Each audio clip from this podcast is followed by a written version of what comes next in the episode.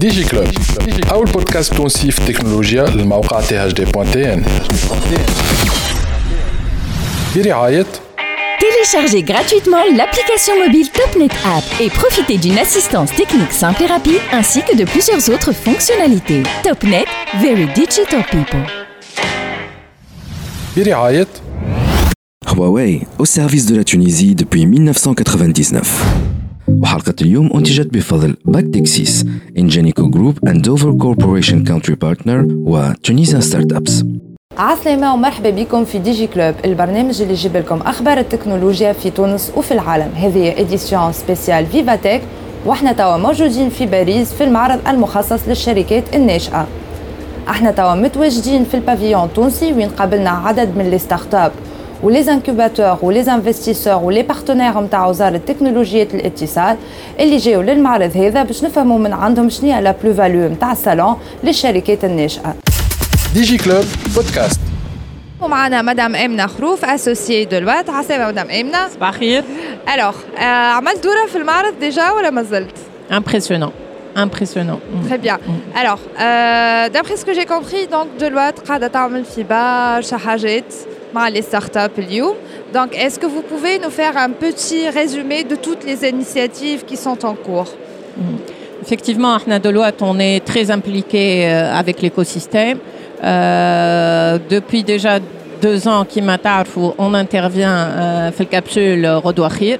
Et ça, c'est euh, notamment pour euh, vulgariser, euh, euh, démocratiser ou parler de tout ce qui est euh, innovation euh, dans le monde ou ses implications en Phytonus. Euh, plus spécifiquement, on accompagne euh, pas mal de startups dans le cadre de projets avec des bailleurs de fonds américains, allemands, euh, français et autres, euh, où ça nous permet justement d'être euh, proche de l'écosystème et d'accompagner le développement de cet écosystème. Euh, وهذه euh, une fierté على خاطر نشوفوا les, les startups tunisiennes تبارك الله, ils sont en train de se développer on a eu Tout à l'occasion fait. d'accompagner certaines euh, aux États-Unis euh, en Europe وشفنا البوزيشنمون نتاعهم شفنا كيفاش قاعدين se développent وشفنا l'impact نتاعهم par rapport à d'autres acteurs Très bien. Alors, j'ai compris aussi que vous avez un partenariat avec euh, l'Africa Hub qui est juste derrière. euh, juste بعد البافيون التونسي من هنا alors euh, euh, كان تحكينا شويه البارتناريا هذه شنو بالضبط et euh, donc qu'est-ce qu'elle apporte réellement aux startups aujourd'hui Effectivement, احنا on est partenaire de Vivatech. Euh, le partenariat هذايا on est knowledge partner علاش على خاطر on a un savoir-faire que ce soit في تونس mais un peu partout en Afrique. فهمت؟ Donc on est partenaire de l'Africatech. Euh, on a accompagné à la fois euh, les awards euh, mm où euh, c'était une occasion de voir l'ensemble des startups africaines et de voir la richesse des startups africaines, donc avec les points forts ou les points faibles. Donc sans surprise, beaucoup de startups du monde anglophone qui se distinguent, mais des startups du monde francophone et notamment des startups de l'Afrique du Nord qui se distinguent bien. Euh, je ne vais pas dévoiler les résultats, je euh, euh, tout à l'heure. Euh, ce qu'on a pu aussi mettre en avant, c'est la comparaison mhm. du cadre réglementaire et des écosystèmes entre Sénégal, entre Tunis, entre le Bénin et entre différents autres acteurs. Ça, c'est aussi intéressant Ce qui est vraiment un frein aujourd'hui par rapport au francophone, c'est le financement. معناها D'accord. نشوفوا آه، آه، مصر آه، كينيا etc. profitent euh, d'un système de financement et d'investissement beaucoup plus important que, que le, le côté francophone. Euh, Il y a une taille de marché, il y a une maturité de marché وهذا نشوفوا فيه آه، مي بون نخدموا باش نجموا نحسنوا fait. باش نجموا آه، نلقاو d'autres icônes كيما Go My Code etc. qui peuvent réussir et qui peuvent peuvent être une référence pour, euh, l'entrepreneuriat Fitons. Très bien. Une start-up, Lyon, pourquoi est-ce qu'elle devrait être ici, Vivatech? Euh, c'est vraiment, on va dire, tout l'écosystème. Hein. Jib, je trouve une Messia, Jib, je trouve euh, les acteurs, Jib, je mhm. trouve les concurrents, Jib, je trouve les partenaires. Jib, ce qui est vraiment intéressant dans le monde des startups, c'est que justement, un bout du chemin et c'est euh, la connexion avec l'écosystème qui fait la réussite où aujourd'hui Vivatech est vraiment une référence dans cette, euh, dans cette dynamique, donc il faut y être. Bien sûr, il faut y être euh, avec un objectif. Un objectif euh, de voir certains acteurs, certains partenaires, certains clients. donc un événement comme ça, ça se prépare. et ça, le retour sur investissement est là. Très bien, merci beaucoup Lelay. Peut-être un, dernier point, la présence de la Tunisie. Euh, oui, bien sûr. Et ça, je pense que c'est vraiment une fierté euh, d'avoir un stand euh, aussi important, des startups aussi, aussi intéressants, tout un écosystème, tu les acteurs dynamiques. Je pense que c'est aussi une, une fierté. Euh, voir autant d'acteurs, c'est une, réussite. Merci Lozara, merci l'ensemble des acteurs qui ont contribué à, cette dynamique. Très bien, merci beaucoup Lila Digi DigiClub Podcast. Donc مازلنا معكم في الفيفاتيك اول النهار دونك احنا ماشيين ويعرضنا سي محمد حمدي جينا نوجعوا عليك في تونس ما لقيناكش راه alors donc pour vous, pour rappeler euh, ce que vous faites, donc vous êtes expert en cybersécurité et vous enseignez à la SUPCOM. Très bien. B. Raik Filmard d'abord. Le MARD, donc, il est diversifié.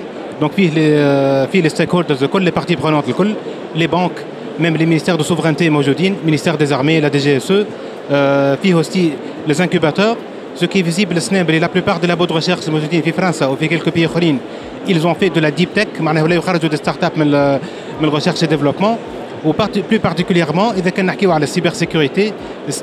Sauf clairement c'est un thème transversal où l'écosystème est un peu en train de changer. L'impact de la recherche et développement, vraiment, très visible, où la vitesse avec laquelle les startups et les innovations قاعدين يخرجوا اثر على البرسبسيون نتاع les clients potentiels بانواعهم على la cybersécurité. Très bien. B. Euh, euh, j'ai compris mais il y a beaucoup plus de startups qui sont actives dans le domaine de la cybersécurité. Tout à fait. Donc ça met la cybersécurité et les domaines connexes. Par exemple, ça met le métier par l'auditeur RGPD, vu les les données personnelles et la protection de mhm. euh, Donc ça met aussi beaucoup de recherches dans le domaine Ça met aussi les domaines connexes liés à l'application de la computer vision de cybersécurité mhm. euh, pour la reconnaissance des formes, pour la reconnaissance des, des, des euh, objets au milieu, euh, en, milieu extrême, comme تبدا الدنيا ظلمه على الاخر مثلا ولا في لي غروت دونك هذوما الكل دي تكنولوجي اللي فما دي ديمونستراسيون تاعهم لهنا ومازالت عليهم دوموند على خاطر لي مينيستير دو سوفرانتي et les banques اللي هما par définition قبل كانوا des domaines des milieux très conservateurs اليوم ولاو كليرمون يطلبوا l'accès à ces communautés هذوما مثلا نشوفوا باللي في الستاند بتاع دي جي اس بتاع المينيستير دي زارمي ثم ça des desks uniquement pour le recrutement de ressources dans les domaines euh, aigus et pointus de la cybersécurité, comme les pirates qui se font engager dans le DGSE. Ça, c'est quelque chose d'innovant par rapport à l'écosystème. Vous dites que la plupart des parties prenantes, comme le constructeur et la fabrication d'équipements donc les, les, les, manufacturiers d'équipements, ils vont se replacer par rapport à cet écosystème-là. La notion de conservation, elle est en train de, de, de, ce qui fait qu'il y aura plus accès aux mhm. jeunes, aux innovants, à l'écosystème de la cybersécurité. Très bien. Mais, كيف une start-up معناها مثلا تونسيه تجي لهوني شنو هو الحاجه لا بلو فالو نتاع سو تيب ديفينمون اللي هي ايفونتويلمون كان هي الي اكتيف في السوبر سيكوريتي مثلا فوالا ثم لا كوش دو باز اللي هي لا ميز اون كونتاكت هي هذيك اليوم ما عادش كافيه خاطر احنا بور سو بلاسي بور بيان سو بلاسي لازمنا اون سو بلاس دو مانيير بيرين pour se placer de manière pérenne لازم نستغلوا لو بوتنسيال الكبير الموجود في تونس وخاصه لا دياسبورا اوسي نتاع لي تونيزيان اللي هما يخرجوا دونك il faut احنا اون بو et il faut créer des ponts des ponts win-win euh, entre des startups tunisiennes et des startups étrangères, في communauté européenne de manière à ce que les, euh, les éléments tunisiens, que ce soit Fitoun ou bien ceux de la diaspora, soient les maillons essentiels de la, de la collaboration. Aujourd'hui, ça a beaucoup de startups euh, européennes en cybersécurité qui veulent faire de la recherche et développement Fitouns. Ça, c'est une opportunité. L'ouest, à la la recherche et développement, elle coûte cher ici. Mm -hmm. Avec la même compétence. Pour la plupart des temps, elles sont tunisiennes ou la maghrébine, elle coûte plus cher ici que, que dans nos pays. Donc l'opportunité, c'est de faire des centres de recherche et développement en cybersécurité, en intelligence artificielle aussi, en blockchain. Donc pour les thèmes de l'innovation, on peut être actif en recherche et développement et on peut traiter d'égal à égal. Ce n'est plus la sous-traitance, c'est plutôt c'est une value-driven economy et les hommes et on devient plus actif et plus euh, percutant. Très bien. Merci beaucoup, c'est Mohamed. DigiClub Podcast. Donc on est toujours au pavillon tunisien. Oumana Zainab Chepchoub, c'est bien cela. Vous représentez le centre de transformation digitale de transformation digitale de la GIZ, c'est ça Très bien. Alors, euh, Zainab, en fait, je voudrais euh, qu'on revienne un peu sur euh, la partie, en fait, bon, d'après ce, qu'on a, ce, que, ce que vous m'avez expliqué tout à l'heure, donc le centre de transformation en question, il est euh, donc euh, divisé en deux pôles, on va dire. Il y en a un qui est euh, donc plus dédié à la partie publique, c'est ça, et l'autre à la partie privée, c'est ça Oui. D'accord. Et dans la partie privée, il y a tout, enfin plusieurs mécanismes d'appui aux startups, c'est ça Voilà. D'accord. Donc si vous pouvez nous expliquer quels sont les différents types de mécanismes Hedoma D'accord, donc euh, dans la partie du centre de transformation euh, digitale, il y a le, la transformation digitale du secteur privé mhm. et entre autres euh, l'appui euh, de, l'écosystème des startups et des innovateurs dans des technologies. Mhm. En fait, on, on, appuie les startups avec différents services, différentes mhm. activités, comme l'accès au financement, euh, l'accès au marché, le capacity building et les formations mhm. et l'accès au marché international à travers la représentation de la Tunisie en tant qu'un écosystème, euh, un écosystème assez, euh, assez dynamique. Mhm. Donc nous voulons bien mettre en avant la cogitation que nous avons en Tunisie et dans ce sens, nous appuyons effectivement notre partenaire politique, le ministère de la Communication, euh, mhm. des technologies, de la, communication, dans sa stratégie nationale Startup Tunisien. Mhm. Donc, euh, il y a les, les, projets de financement comme le programme Flywheel, qui, qui qui contient des instruments pour le financement des startups en very early stage, c'est le mhm. programme R. Mhm. Les startups en early stage et qui, et qui, veulent lever des fonds en série A, c'est le R2. Et les, et les structures d'appui des startups, les mhm. SSO, donc eux aussi on les appuie à travers le programme DEAL pour les, les, motiver et les, les fournir les ressources nécessaires pour mettre en place des programmes d'appui aux startups. Voilà, c'est l'un de nos programmes déjà.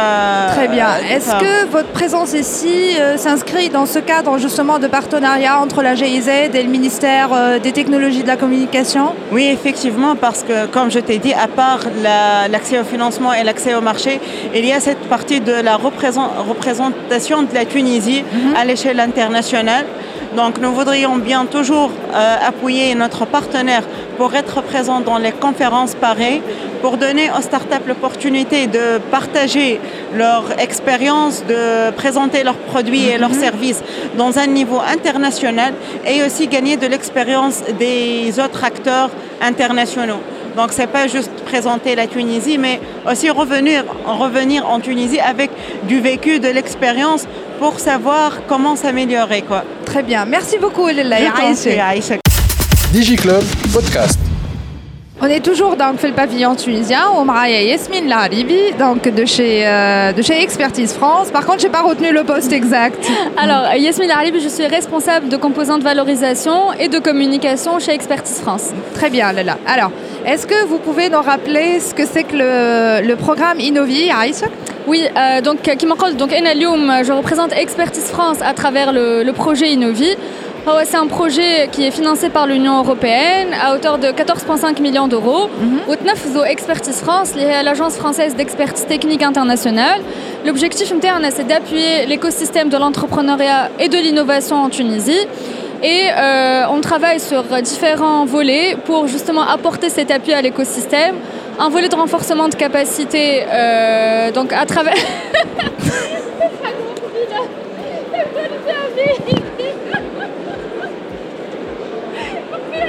جدا ضحكتها كده ما ما شايف كده تو كنت وراها كيف باش تضحك يوري فيها في قطوسك في دلال.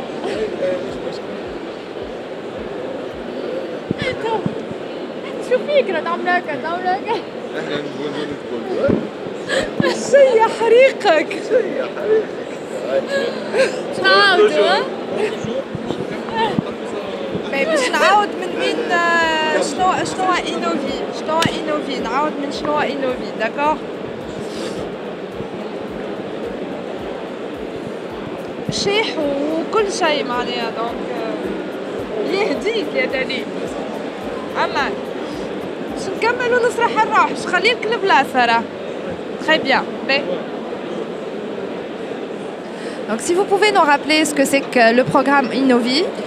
Alors, Innovi, c'est un projet d'appui à l'écosystème de l'entrepreneuriat et de l'innovation en Fitounos. يمولوا الاتحاد الاوروبي à hauteur de 14.5 millions d'euros وتنفذوا Expertise France اللي هي l'agence française d'expertise technique internationale le projet du coup هذايا l'objectif نتاعو كما قلت c'est d'appuyer l'écosystème de l'entrepreneuriat et de l'innovation et on travaille sur différents volets pour apporter cet appui un volet de renforcement de capacité les acteurs de l'écosystème. Donc oui. a un programme de subvention de 8 millions d'euros euh, à travers des appels à projets, des financements à destination de, des acteurs de la société civile. Mm -hmm. euh, on, a, on travaille sur le cadre réglementaire Phytonus et un troisième volet euh, lié à la valorisation de cet écosystème tant sur le plan local qu'international. Très bien, donc je suppose c'est pourquoi vous êtes ici, donc avec euh, le ministère euh, des technologies de la communication et les startups et les géofédélégations, c'est ça? Absolument. En fait, le, le troisième axe, l'objectif interne, c'est euh, mis à part la valorisation, la mise en valeur de success stories en Tunisie, etc., mm -hmm. on essaie vraiment de créer des ponts entre les écosystèmes, l'écosystème local tunisien et les écosystèmes régionaux et internationaux. Et dans ce cadre, on essaie d'appuyer euh, la participation des startups sur de grands salons internationaux, mm -hmm. d'où aujourd'hui la participation à Vivatech et on est très content de pouvoir appuyer le ministère des technologies et permettre à ces 10 startups d'être présentes ici aujourd'hui à Paris. Très bien. Est-ce que euh, vous assurez une espèce de suivi, Mbad, pour avoir les feedbacks des startups sûr, par rapport sûr. à leur participation ouais. Euh, Absolument. Donc en fait, Arnas, on a déjà euh, pu participer à d'autres salons auparavant. Mm -hmm. Et ce qu'on essaie de faire, bien sûr, pour les startups, pour après par la suite maximiser davantage et leur permettre de tirer le, le mieux de, de, ces participations, mm -hmm. le meilleur de ces participations, on essaie d'assurer un suivi avec elles, de, de voir par exemple combien de contacts ont été faits, combien sont vraiment les objectifs initialement le ministère il a déjà pu euh, avoir ces, mhm. données. On essaye après par la suite de, voir euh, où est-ce que ça, a été euh, à, ce niveau. Très bien, merci beaucoup Léla et Aïchek. Avec plaisir. Aïchek. DigiClub Podcast. Madame Vekra Khlifi, donc, vous êtes partenaire chez 216 Capital. B. Alors, Ken Zakrouchni à 216 Capital d'abord? Donc 216 Capital, c'est un fonds d'investissement donc euh, VC, donc mm -hmm. Venture Capital, euh, donc fondé en 2021, donc c'est très récent euh, et nous sommes trois partenaires, donc Mahdi Dogri, Hakim Abjawed et moi-même. Donc c'est un fonds qui investit en very early stage, dans la pre-seed ou seed, mm -hmm. pré-amorçage et amorçage. Et on investit dans des startups innovantes euh, ou ailleurs. Mhm. Euh, euh, et donc c'est un, un, fonds d'investissement d'à de, de, peu près 10 millions d'euros. Et euh, donc les tickets standards de 100 000 euros, 101, mais 200. Très bien. Donc voilà, en gros, c'est ça. Hein. D'accord. Est-ce qu'il y a des secteurs d'activité de prédilection, je dirais, pour les startups et Zoma ou elle la pêle-mêle Comme c'est, bah, finalement, on connaît bien finalement la. Hum, les géographies sur lesquelles mmh. on, on, veut justement euh, agir. Et euh, bonjour. THD Il est très bon, il est très bon. ثاني مرة يعملها راهو مش يعملها كي كمان نخليك نخليك تبدا ديريكتومون من فوالا donc euh, les, secteurs d'activité, nous on est secteur agnostique, euh, tous les secteurs sont, euh, pris en considération. Mais ce qu'on essaie d'apporter un petit peu plus au-delà de l'investissement, c'est de l'accompagnement. Mm -hmm. Enfin, des secteurs, les narfoum acteurs, mais des secteurs autres, ou bien narfoum acteurs. Là en ce moment, on a un portfolio, les filles, des startups qui sont dans l'énergie. Euh, dans l'agritech, euh, beaucoup dans la fintech. Mhm. Euh, et, donc voilà, mais sinon, on ne privilégie pas vraiment un secteur à la, à la D'accord. Et euh, en termes de participation, on a justement, moi je dis, je fais le pavillon en tout. Si on Tunis, les startups tunis LG, la technologie et l'étissal. D'abord, est-ce que ce genre d'événement, ben, comme en tant que euh, pour, votre entité il apporte euh, Beaucoup de choses. En fait, euh, le métier de, de il est basé sur, sur une loi de probabilité. Mhm. Et la probabilité, euh, un pipeline qui est bien garni, quand mm -hmm. la probabilité d'investir Typiquement, un fonds d'investissement, 1000 dossiers par an, il sélectionne 20 pour une, pour une étude. Il faut l'investir dans une ou deux startups. D'accord. donc typiquement, ce genre d'événement, il est très important. Euh, pour les investisseurs et pour tous les investisseurs Fitouns d'ailleurs, euh, pour deux choses. construire ce pipeline, euh, l'ouverture sur, sur, la, sur l'international. C'est ce qu'on essaie de faire aussi avec les startups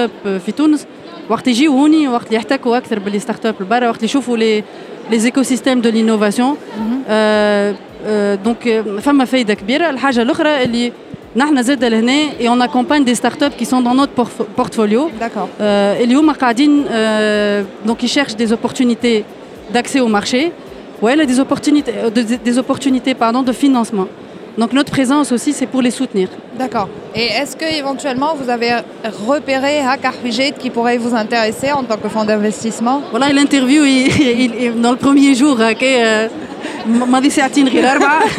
donc on a repéré des startups qui sont déjà euh, donc, dans le pavillon euh, l'année mhm. tunisien. mais sinon, mais typiquement ce genre d'événement, les femmes cette plateforme digitale et on a reçu beaucoup de bah, finalement, on est très surpris. Euh, on est fonds tunisien, mais on reçoit beaucoup de, demandes de, réunions, de, start-up euh, européennes, voilà, des start-up du Middle East. Euh, moi, j'ai remarqué j'ai assisté à, à, Vivatech depuis, mhm. depuis le, lancement Euh, mais là, je vois par exemple un pavillon égyptien, un, pavillon, un grand pavillon marocain. c'est très intéressant. Où, وماذا بينا بالحق علاش لا ما يبداش فما ان فيفاتيك à la sauce tunisienne معناتها تونسي معناها في تونس exactement on peut faire un vivatec تونسي على خاطر on est très légitime et, et on sait faire ce genre de choses c'est un peu compliqué à faire logistiquement mais on a les compétences et on peut le faire très bien merci beaucoup merci Nadia merci THD دي جي كلوب وفات اليوم نجموا تسمعونا وتسمعوا بقيه الحلقات على ساوند كلاود انغامي سبوتيفاي اي تيونز وجوجل بودكاست Téléchargez gratuitement l'application mobile TopNet App et profitez d'une assistance technique simple et rapide ainsi que de plusieurs autres fonctionnalités. TopNet, very digital people. Huawei au service de la Tunisie depuis 1999. وحلقة اليوم أنتجت بفضل Bactexis, Ingenico Group and Dover Corporation Country Partner و Tunisian Startups.